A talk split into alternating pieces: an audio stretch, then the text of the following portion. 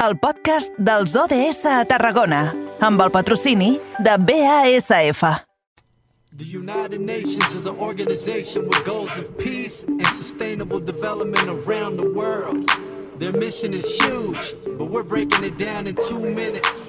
17 sustainable development. Som-hi, va, moment d'anar fins als estudis de BX Ràdio perquè allí tenim el nostre company, Jonai González, com sempre, en aquesta hora, a qui ja podem saludar. Jonai, bona tarda, bona setmana. Bona tarda, Edu. A veure, què, què passa ara mateix als estudis de BX Ràdio, que veig que us ho passeu tan bé, movent les esponges eh, dels micros i... què, esteu de, què esteu de festa, de gresca? Què passa? A És veure, que hi ha un explica. company, que és l'Arnau Curto, que està aquí eh, dient-nos com col·locar l'esponja i tot perquè es vegui perfecte. Home, clar, és, és que el Curto té raó. El Curto és un home que hi entén de vendre la imatge i de i qüestions eh, de màrqueting. Sí, sí, si sí. el Curto et diu que l'espongeta del micro ha de tenir una posició i el dau una altra, escolta, tu fes-li cas. A creure que segur que té raó, i si no després, mira, serà culpa seva.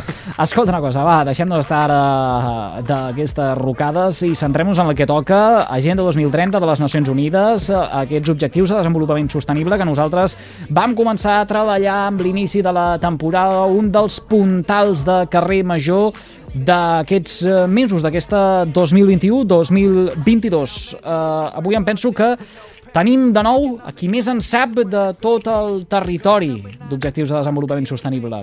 Sí, avui seguirem eh, investigant una mica en alguns dels eixos més interessants d'aquests objectius de desenvolupament sostenible i ho farem novament de la mà de Josep Lluís Alcoceba, responsable de projecte xarxa de cooperació al desenvolupament del sud de Catalunya a l'Oficina de Compromís Social de la URB i coordinador del manual sobre els ODS i un directori de les entitats socials de la demarcació de Tarragona. L'altre dia vam parlar de finançament, però ens vam quedar amb aquestes coses que ens, ens fan també pensar ui, hi ha més coses a part del finançament i és per a què, per a què serveix aquest finançament o per què és tan important, millor dit. I avui hem dit, anem a parlar un altre cop de finançament, però des d'aquest vessant que l'altre dia en, ens deixava per què és tan important, no?, aquest finançament que, que pensem que... Bueno, bona tarda, primer de tot, Jonai i Arnau. Doncs sí, no, tinc la sensació no, de que el primer dia potser parlar de finançament de l'agenda i parlar en 10 minuts quedava molt curt i bueno, doncs aquesta segona part sempre va bé. El, preguntaves per què és tan important? Doncs perquè a cap i a la fi és l'única manera que tenim de fiscalitzar la feina feta. És a dir, més enllà del discurs polític que pot haver-hi darrere de l'agenda 2030 o inclús fins i tot darrere d'un gran projecte, si no tenim un paràmetre que tots reconeixem sota el mateix vocabulari, no podem mesurar els esforços de forma pragmàtica que ha fet una administració, una empresa o una entitat, o si més no, no podem veure l'històric, no podem poder comparar-ho amb exercicis anteriors. Per això és tan important tenir una, una eina, un número, a cap i a fi un número, Sí. eh, de, que de forma objectiva ens permeti comparar els esforços. I, I a qui li correspon aquesta tasca de, fi, de, de, fiscalitzar que ara apuntàvem? Perquè, clar, una cosa és que ho quantifiquem, però després si no hi ha ningú que demana explicacions de uh, per què allò no s'ha fet, si s'ha fet entenc que, que es comprovarà que s'hagi fet uh, com toca, però uh, a l'hora de fiscalitzar tota aquesta feina, uh, de qui li correspon aquesta tasca? És allò que us deia a l'últim programa d'aquest comitè del TOS, te recordes de, del TOS? Doncs Sí. això fins ara era feina de l'OCDE a través del seu CAT. De fet, ells són qui, els, els predecessors, els qui el 2012 eh, el que ja tenia pinta de ser una agenda, el que seria l'agenda 2030, o sigui, l'embrió d'aquesta agenda, ja reconeixia que amb les eines que tenien fins aleshores no era suficient, que havien de crear una nova mètrica, que no tenia nom, eh? no, encara no es deia TOS, eh? no? simplement que reconeixia aquest exercici. I això ha passat des de la creació de l'OCDE a traslladar-se a aquest comitè internacional del TOS que dependrà de Nacions Unides. Uh -huh. I i una de les preguntes que, que em feia jo, per exemple, és com es determina el cost d'un objectiu de desenvolupament sostenible? Com es calcula això té determinat cost? Clar, és que aquesta és una de les grans mancances que encara hi ha pendents. És a dir, quan, quan diem que encara no s'ha validat què computa i què no computa com a TOS, és precisament que cadascun dels objectius tindrà una sèrie de paràmetres i variables que encara s'ha de consensuar. I en aquest sentit, deixa'm dir-te que serà molt interessant que siguin precisament les entitats, la ciutadania, o sigui, els agents civils, qui participin d'aquest procés de decidir què computa i què no computa per cadascun dels objectius.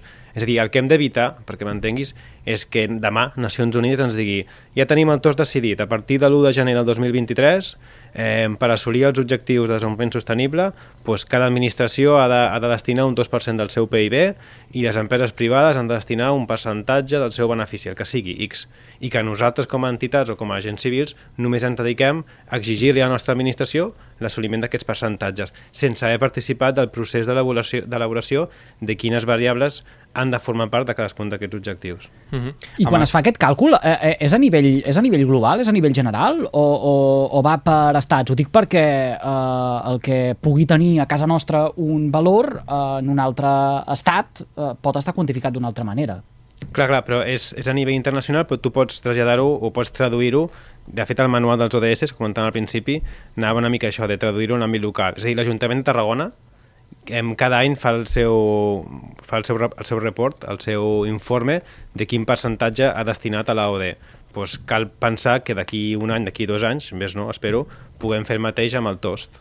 -huh. De fet, eh, l'Ajuntament de Tarragona té un 0,4, un indicador que és la sí. l'AOD, el que calcula l'ajuda oficial destinada al desenvolupament. En aquest sentit, l'objectiu internacional que es marca és un 0,7%. A Tarragona estem amb un 0,4 que és superior a la mitjana d'Espanya, però no sabem si és una bona dada o si és dolenta. A la mitjana d'Espanya ho desconec, eh? Segurament sí, per, per, per l'experiència que tenim en amics locals, però no, no, no, no em puc mullar. O sigui, que, que és més que, que, que Espanya com a estat, sí, però jo no sé els ajuntaments, si juntessin tots els ajuntaments, quina mitjana ens sortiria. Sí, això del 0,7% és el que Nacions Unides a principi dels anys 90 va dictaminar que si arribàvem a aquest número s'assolirien els objectius de l'època, eh? estem parlant dels anys 90, i era aquest 0,7%, que són aquelles man famoses manifestacions, no sé si us en recordeu, a Barcelona, que tallant Via Laietana, on totes les entitats es reivindicaven perquè el seu perquè el govern assolís aquest 0,7, doncs tot allò ha plogut molt, i ara estem a aquest percentatge a Tarragona almenys del 0,4%, que com molt bé dius és superior a la mitjana catalana. Això sí. Mm -hmm. Amb aquestes eines també podem saber a què destina el diner, a, bueno, a quins objectius eh, fa, fa més, dona més importància als ajuntaments, no? Suposo que és una clar, clar. manera també... Quan parlem de transparència, i si l'interessant d'això és no només veure el còmput total, sinó també en què es destina, que és el que espera de la qualitat de l'ajuda la, de oficial. Per exemple, la, per, per quedar-nos amb, amb el cas de l'Ajuntament, jo no hi era, però sé que fa uns 10 anys haver-hi un procés molt fort de les entitats on no només exigien que aquest percentatge fos superior, que això no sé si ho van aconseguir, però que sí que van aconseguir és que, per exemple, les partides pressupostàries que feien referència als recursos humans destinats de l'Ajuntament destinats en projectes de cooperació es contemplessin com a part estructural de, de l'Ajuntament i no com a còmput AOD. I que, per tant, tots els diners que es fiquessin sota el paraigües de la cooperació fossin realment per projectes i no pas per justificar sous. Per tant, si la transparència o l'objectiu, i també això amb l'Agenda 2030, no només ha de ser amb la quantitat total, sinó amb què computa sota aquell, sota aquell paraigua, per tant, en la qualitat d'aquells projectes o l'impacte de què aconsegueixes amb aquells diners. Uh -huh. També aquesta, aquesta eina s'ha modernitzat en els darrers anys, l'AOD? Sí, de fet, bueno, clar, és que imagineu-vos que això parteix des de l'any 68, evidentment i per sort hi ha hagut moltes modernitzacions. Potser la més important és l'any 2012, que en el mateix document on, es reconeixia que amb aquesta nova agenda que Nacions Unides estava començant a plantejar, tot i que encara molt embrionària, amb l'AOD no seria suficient, tot i encara no sabien com acabaria. Eh? De fet, han passat 9 anys i encara ho estem discutint, que serà el TOS. Però en aquell mateix document es feia com el gran pas endavant, la gran modernització de l'AOD. Uh -huh. que va, va... I, I alhora, i, perdó, perdó, sí, perdó sí, que em penso no, no dic, i, i alhora, eh, amb el pas de, dels anys, s'encareix també econòmicament la consecució d'aquests objectius de desenvolupament sostenible. Eh, el que 20 anys enrere tenia un valor, eh, potser avui en té un altre pel, pel cost, eh, simplement, o perquè s'ha arribat a un punt en què aconseguir revertir és molt més eh, costós per les passes enrere eh, que, que s'han anat fent. Que, no sé si m'explico. Sí, sí, sí t'expliques. Eh, però la, la quantitat s'està mesurant a partir de percentatges, eh? a dir, sempre parlem del 0% del PIB, no parlem d'una quantitat en valor absolut. O sigui, de moment el que, estem, el que està treballant la comunitat internacional és comprometre's a com a mínim de, dels seus pressupostos destinar un percentatge d'aquests pressupostos, siguin quins siguin. I sí, evidentment, eh, bueno, però això va més enllà d'Agenda 2030 i del meu camp de coneixement, però tot pinta de que cada cop anem més tard i, per tant, cada cop serà més difícil revertir segons, segons quins, bueno, quins costos, sobretot referents en canvis climàtics i de més. Uh -huh. I qui portarà aquesta arbitrat financera? Qui, qui determinarà uh, el cost o, o si un ajuntament ho està fent bé o ho està fent malament? Sí, a nivell de, de quines, insisteixo, a, a nivell de quines variables han de computar, això, això ens vindrà dictaminat. Tant de bo que amb les, amb les eines digitals que tenim avui en dia la, la, la societat civil pugui participar eh, abans de que sigui un document oficial i, i, i, i ja que no es pugui moure gaire. Però després serà responsabilitat nostra que exigir no? que la nostra administració que assoleixi aquell percentatge pactat. Perquè com molt bé, com molt bé deies, d'aquest 0,7% estem en un 0,4% i gairebé, entre cometes, és un èxit, quan està per sota del, del compromís mínim que es van assolir fa 20 anys. Uh mhm. -huh. de, de totes maneres, però, en relació a això, hi hauria d'haver algun organisme, no ho sé, eh, a, a, a nivell de país, el, algun òrgan que a, es tirés de les orelles a l'administració local, per exemple, quan es complissin a, a, a, aquests paràmetres, no ho sé, ara em ve el cap, eh, un exemple que tant en tant nosaltres eh, hem posat en relleu aquí el programa. Eh, en matèria de reciclatge, l'Agència de Residus de Catalunya, eh, si no es compleixen uns mínims, doncs hi ha una penalització. Eh, això eh, existeix o hauria d'existir existir també a nivell de Catalunya, per exemple, a, a, en aquests altres camps? Existeix. El que no, el que no et podré dir és em, si hi ha un règim castigador, sancionador, això no això desconec. A nivell espanyol hi ha la ECID, que és l'Agència Espanyola de Cooperació al Desarrollo, i a nivell de Catalunya hi ha, hi ha l'Agència Catalana de Cooperació al Desenvolupament. Eh, però insisteixo, eh, crec que no hi ha, és que no em vull mullar aquí, però crec que no hi ha cap tipus de sanció econòmica perquè una administració no assoleixi el mínim. De fet, hi ha molts ajuntaments locals que ni tan sols tenen partida de cooperació que hi ha altres partides, hi ha partides socials, partides de medi ambient, però no hi ha una partida específica de cooperació, per tant, és molt difícil que ningú es pugui responsabilitzar de computar aquest AOD. Uh -huh. Clar, és que a, a aquesta hora com, com es rendeixen comptes, no? Si no tenim un, un, una associació o un, una organització a qui explicar els objectius que hem assolit o no? Com es rendeixen comptes? Jo, jo entenc que a nivell nacional seguirà sent els mateixos, seguirà sent agència i seguirà sent la ECID. Però insisteixo, sí, jo crec que el fet d'anar tard en tot, perquè anem sis anys tard, ens ha de permetre uns certs aprenentatges que amb l'AOD no hem aconseguit com per exemple, doncs, potser sí que calen uns, una, una espècie de variables sancionadores o, si més no, eh, benefici, eh, que bonifiquin aquells que sí ho aconsegueixin d'alguna manera i sobretot que la societat civil pugui participar en, en aquest, en aquest, si més no, en decidir què computa i què no computa com a, com a tost.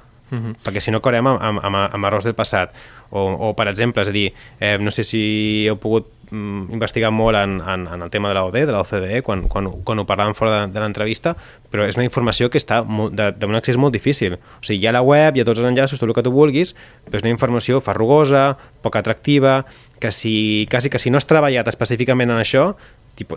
Jo crec que això amb l'agenda 2030 s'ha d'aconseguir solventar, perquè si no, no serà una agenda participativa. De fet, una de les coses que comentàvem abans de l'entrevista és que l'OCDE tenia un, un comitè d'assistència de desenvolupament però que l'OCDE estava formada per una trentena de països gairebé. Això és una de les coses que s'hauria de, de corregir en aquest nou comitè, diguéssim, Correcte. no? El CAT, el CAT, el Comitè d'Assistència al Desenvolupament, està format per una trentena de països de forma directa i després d'uns països que actuen com observadors, és a dir, que tenen dret a opinar però no tenen dret a vot a l'hora de decidir doncs, determin... bueno, en, el seu, en el dia a dia. Clar, això és una de les coses que s'ha de millorar. Si, tu, si aquesta Agenda 2030 apela a la comunitat internacional, ha de ser realment la comunitat internacional qui treballi per aquest tos. Això per un costat. Però per l'altre, per insisteixo, per facilitar la informació. Si continua sent molt espesa, nosaltres com a universitat encara estem decidint i entenent què computem i què no computem com a variables tos, -huh. I, totes aquestes... I, I de què depèn, per, per ser més exactes, eh, no, no sé si ho sabem això, eh? de què depèn que un país eh, tingui veu i vot o només dintre de la comunitat mm, internacional pugui eh, observar i estar a, a la White? Hi ha alguna diferència o es fa algun tipus de cribratge eh, a l'hora de decidir eh, tu sí, tu no? Puh, això sí que... Us podeu imaginar, si això sorgeix, ara entraríem en molts detalls, eh, però del Club de Roma dels anys 60, que era els països, bueno, que eren, eren 6 o 7 països, s'ha anat ampliant a poc a poc fins a aquesta trentena. Ara, què es té en compte, què no es té en compte... Bueno, una cosa és evident, que és l'aportació que es fa a nivell d'AOD, però desconec si com funciona tot aquest dia a dia i el decidir que un país entri o no, les sol·licituds per a membres... Sé que quan un país sol·licita ser membre ha d'estar un temps com a observador, Vull dir, és tot molt politiqueig, és molt, i és, en és molt, molt avorrit i és poc atractiu perquè algú de fora pugui interessar-se per aquests temes quan ens haurien de preocupar el nostre dia a dia. Mm -hmm. Edu, no sé si... Ah, no, no, no, no. uh, dic que he, interromput, també volies No, apuntar no, alguna no. altra cosa, no? No, no, no. Um, Ja. Doncs en, en, Sí, sí. en tot cas, uh, jo faré aquest esforç, uh, ja que hem dit que aquesta informació és tan complicada de localitzar i de- d'entendre, de, de digerir-la, uh, mirarem de fer aquest esforç també nosaltres, a veure si uh, som capaços eh, de Si, vo- si, trobar el, el, el fil. Però si, si voleu, i, i, i, i per tancar, hi ha, hi ha els, tres, els tres grans pilars amb els quals hi ha hagut un canvi de l'AOD, si ho- us explico molt, molt breument perquè tingueu la complexitat de, de, de, dels àmbits. Eh? Són tres grans canvis que es plantegen. El primer potser és més tècnic i més fàcil, però els altres dos són conceptuals. El primer és en, els préstecs que es fan, com es computen com a OD o no. És a dir, eh, abans, fins al 2012, si un país donava un préstec on un 25% d'aquest préstec estava per sota l'interès de mercat, em, aquell país s'apuntava com a OD la totalitat del préstec. Què passava? Que per fer això es ficava un interès referencial, m'ho invento, del 10%. Què passa amb això? Que no incentives a que cap país o que cap economia inverteixi en projectes que tenen un major risc associat, perquè l'interès és fixe. Que això ja s'ha canviat. Ja es diu que només tu computes la part que està per sota d'interès de mercat. Val? Per tant, és, és, un, és un percentatge molt més reduït. I els altres dos conceptes fan referència a, als costos associats amb rebre població, refugiada durant els 12 primers mesos, o sigui, els costos associats doncs, de, doncs, de habitatge, alimentació i de més. I què passava amb això? Doncs que Europa eh, una mica s'estava computant allò que havia de fer com a, com a país de, com, sí, com a país receptor de, de persones s'ho computaven com a OD i no com a una obligació de per se de, de, pel fet de, doncs, de, poder, de, de, com a cert compromís amb la comunitat internacional d'assolir població refugiada, d'agafar-ne, tu computaves com a OD. Llavors era una, una mica una contradicció, no? Si la OD té una destinació, en canvi tu estàs apuntant per projectes que fas, que fas a casa teva. I després el suport al sector privat, que això sí que vam parlar l'últim dia, no? de fins a quin punt eh, recolzar projectes de l'àmbit privat han de computar, han de computar o no com, com a OD. Mm. Ah, a, a, del, el, del sector privat, com es podria compensar? És a dir, Sí. al final, quina, quina contrapartida hauria de, el, el sector privat per incentivar, precisament, doncs, a...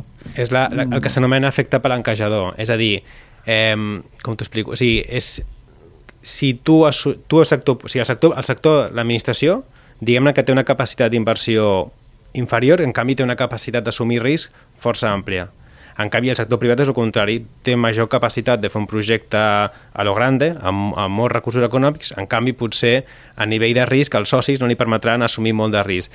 Què passa? Doncs, si l'administració assumeix aquell risc que té un cost X, però que és molt petit, i en canvi això garanteix que el sector privat pugui fer la gran inversió, doncs potser es pot justificar aquesta ajuda. No sé si m'entén. És a dir, si la, és, doncs és això, això és un debat que per moltes entitats no hauria de ser legítim i no hauria de computar com a OD perquè consideren que el sector privat doncs, juga una altra lliga i en canvi eh, hi, ha, hi ha partidaris de que sí, de que independentment de que això ajudi un sector privat, si tu amb això has aconseguit que una determinada inversió es faci en un país, està tot justificat. Doncs aquests són els debats que estan en, en el CAT, en aquest comitè de 30 països, i que a més són de decisions que s'han de prendre per unanimitat, el qual fa que tot sigui molt lent, molt farrugós, bueno, us ho podeu, us ho podeu imaginar. Déu-n'hi-do, déu nhi déu si de vegades ja es fa una mica feixuc de- d'entendre de, o de posar els punts sobre les is, no em vull imaginar quan hi ha tants eh, actors intentant dir la seva a l'hora de, de posar-se d'acord. Joel Lluís Alcoceba, responsable de projecte Xarxa de Cooperació al Desenvolupament del Sud de Catalunya a l'Oficina de Compromís Social de la URB. Gràcies un cop més per ajornar-nos a, a esclarir què és el que s'amaga darrere d'aquestes inicials ODS, aquests objectius de desenvolupament A vosaltres. sostenible. Que vagi molt bé.